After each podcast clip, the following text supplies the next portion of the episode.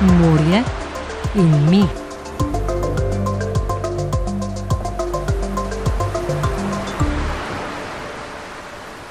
Makroalge uvrščamo med najbolj pomembne organizme na kamnitem dnu, saj tvorijo življenska okolja z izjemno biodiverziteto. Vendar nažalost so ta zelo ranljiva in podvržena vplivom antropogenih eh, pritiskov. Tako kot v drugih delih sredozemlja smo tudi v slovenskem morju priča občutnim spremembam vegetacije, saj je v prejšnjem stoletju v brežnem pasu prevladovala vegetacija velikih rjavih alg, kot so cistozire, ki svojo grmičastjo razjastjo tvorijo tako imenovane gozdičke, ki zagotavljajo habitat za številne nevretenčarje, manjše alge in obrežno ribjo združbo. Cistozira je rjava alga, ki tvori podmorske sestoje do pol metra visokih grmičkov. Je pomemben biogradnik na morskem dnu, pravi Martina Orlando Bonaca iz Piranske morske biološke postaje Nacionalnega inštituta za biologijo. Dejansko brez teh alg ne bi bilo življenja. Ker smo opazili tudi v Slovenskem morju v zadnjih 15 letih, da nam uh, ti gozdički rjavih alg dejansko so vedno manj pogosti in tudi vedno manj pokrivajo površine na kamnitem dnu, uh, smo se odločili tudi mi, da verjetno moramo biti pripravljeni na določene ukrepe, če bi se ta trend regresije gozdičkov nadaljeval. Doktorica Analiza Falače iz Univerze v Trstu je med prvimi v Sredozemskem morju začela s poskusi gojitve rjavih alg v kontroliranem okolju, torej v laboratoriju. In mi smo jo prosili za pomoč pred tremi leti, ko smo dobili sredstva z javne agencije za raziskovalno dejavnost. Smo pridobili raziskovalni projekt, v sklopu katerega smo kot prvo ovrednotili, koliko dejansko še cistozire pokrivajo dna v našem morju.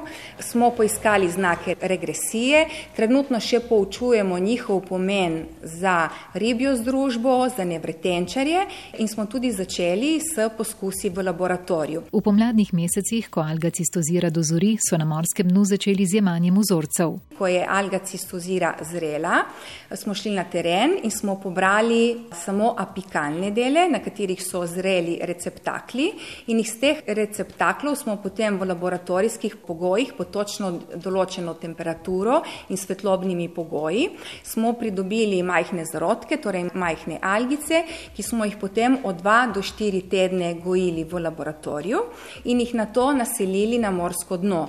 Za ta poskus smo uporabili uh, določene uh, ploščice, ki jih je za nas izdelal obrtnik uh, iz Pirana, take glinene ploščice. Te glinene ploščice smo sedaj pritrdili na velike betonske plošče in jih preselili v morje pred morsko biološko postajo.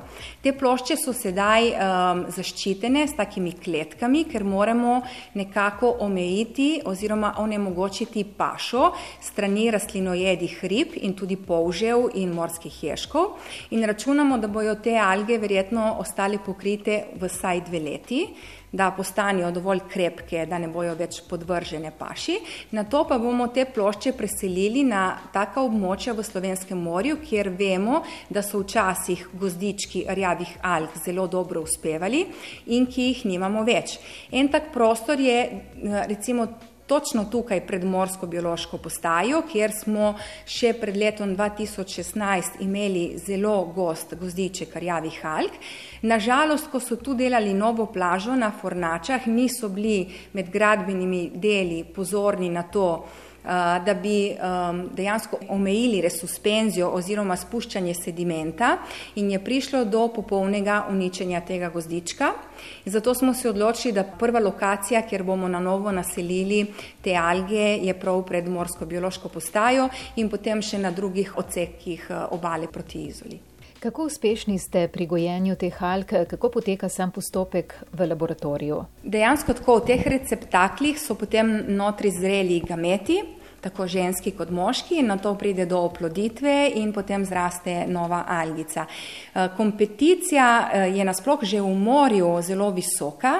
Eh, dejansko na, na eni ploščici se na začetku razvije veliko zarodkov, lahko bi rekla na stotine zarodkov. Enkrat potem, ko te ploščice preselimo v morje, se s časom njihova gostota razreči in na koncu po nekaj letih imamo na vsaki ploščici samo eno zrelo algo, ki bo dejansko dosegla um, tako starost, da bo spet uh, tudi ona pripomogla k naravnemu razmnoževanju v morskem okolju. Letos smo s poskusom začeli nekje aprila meseca in dejansko potem v laboratoriju moramo uravnavati uh, temperaturo vode na tašno temperaturo, kot je v morju. Uh, moramo tudi spremljati konstantno slanost. Voda mora biti mikrofiltrirana, kar pomeni, da moramo iz nje odstraniti tudi vse bakterije in uh, dejansko spremljamo te postopke od 2 do 4 tedne, potem po desetih dnevih začnemo tudi dodajati določene nutriente, zato da nam alge malo prej zrastejo in ko vidimo, da dosežejo vsaj 1 do 2 mm velikosti, uh, na to potem te ploščice preselimo v, v morje. Kje so lokacije v Slovenskem morju, kjer je bila alga cistozira pogosta, ki izginja, kaj ste morda ugotovili med delom na terenu na morju? Bila je zelo pogosta vse, recimo od um, belih skal pa do piranske punte. Tukaj samo točkovno opažamo, da nekje je manj pogosta oziroma uh, tudi, da uh, so se delala določena gradbena dela, ki so potem posegala v morje in so uničili naravni habitat.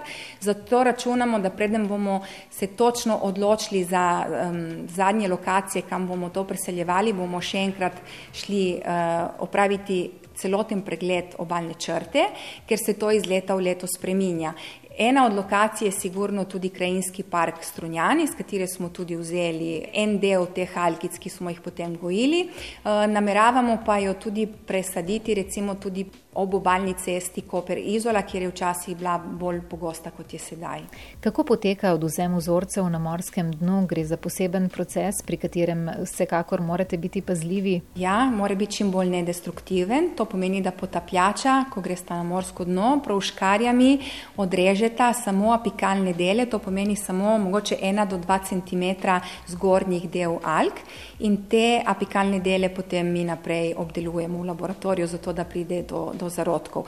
Algo tako ne uničimo in tudi ne poberemo v celoti apikalne dele, iz vsake alge vzameš samo del teh eh, zrelih receptaklov in del seveda jih pustiš, zato da poteka naprej še naravno razmnoževanje v morskem okolju. Podoben postopek pogozdovanja morskega dna poteka tudi v rezervatu v Miramaru, kjer se prav tako soočajo z izginjanjem alge cistozire. Kako sodelujete z rezervatom? Sodelujemo v bistvu že eh, na, prav na takih projektih eh, zadnja tri leta in letos nam je uspelo Kljub uh, COVID-u nam je uspelo istočasno vzorčiti alge v morju in istočasno štartati s poskusom v laboratoriju.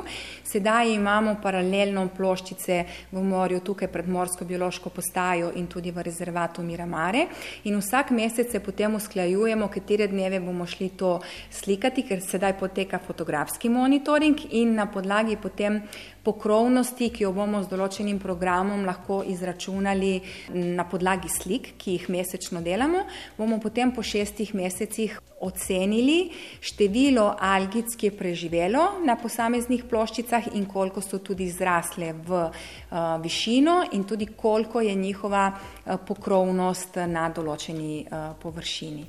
Vse te raziskave pripomorejo k iskanju vzrokov za izginjanje te vrste. Omenili ste že posege v okolje, kateri so morda še vzroki?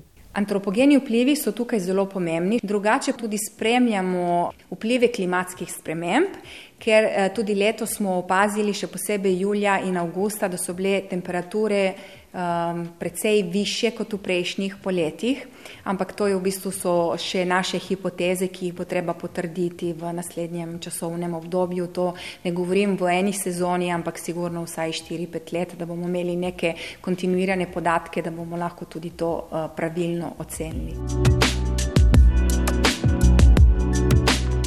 Pogozdovanje alge v Tržaškem zalivu Miramarskega rezervata poteka v okviru projekta Rock Pop Life, ki se bo zaključil ob koncu leta, pove Saul Ciriaco. Quella che stiamo concludendo adesso è la stagione diciamo, estiva, quindi quella nella quale abbiamo attuato le eh, pratiche diciamo, di eh, restauro. E quindi anche Zaključujemo poletni del projekta, v katerem smo se po laboratorijskem delu lotili praktičnega posaditve alge na morskem dnu Ligurije in Miramara. Vzorce za miramarski del smo prejeli v Strunjanu, kajti tamkajšnji krajinski park je sopartner projekta in kjer je ta vrsta še v dobrem stanju. Iz naravnega parka v Portofinu pa smo se pogozdovanja lotili v Liguriji. Posadili smo tako dober kilometr obalnega pasu z algo cistoziro. S ponovnim gojenjem teh alg, predvsem v zaščitenih morskih parkih, upamo, da se bo lahko ta alga znova normalno raznoževala. Tega procesa ne moremo nadaljevati nadaljnih sto let. Gre za poskus, da ob teh novih pogojih sama zaživi naprej. Nella speranza che adesso le condizioni siano adeguate per poter continuare in maniera naturale da sola. Čezmejno sodelovanje med ustanovami in naravnimi parki je izrednega pomena, dodaja morski raziskovalec. Diciamo, tecniche... Ne moremo narediti korako naprej brez izmenjave znanja. Vsak razvija svoje metode dela na osnovi morja, v katerem dela. Mi smo delili tako skupen protokol dela ponovne posaditve te morske alge, vendar na različnih lokacijah. Ob koncu leta bodo tudi v sodelovanju s Krajinskim parkom v Strunjanu predstavili zaključke projekta. Kako so v parku, kjer spremljajo potope raziskovalcev, pristopili k projektu, pa Luka Kastelic. Na začetku so potrebovali nekoga, rečemo, dobro pozna park in neka pomoč na destinaciji. Tako da smo pogledali pod vodo celoten del, morski del Krajinskega parka Strunjan, to je 4 km dolg pas, širok 200 metrov.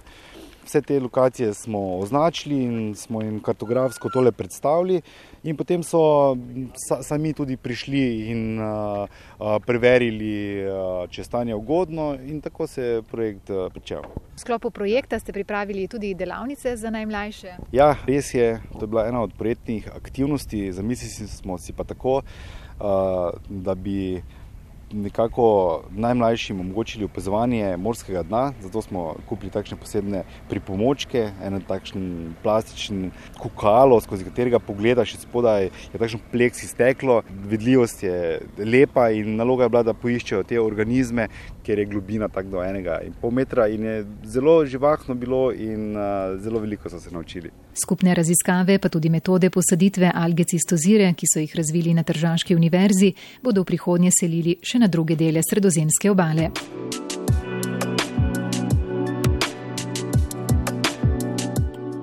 Tokratno oddajo zaključujemo še z vestjo iz Izole. Začenja se pričakovana obnova izolske ribiške infrastrukture.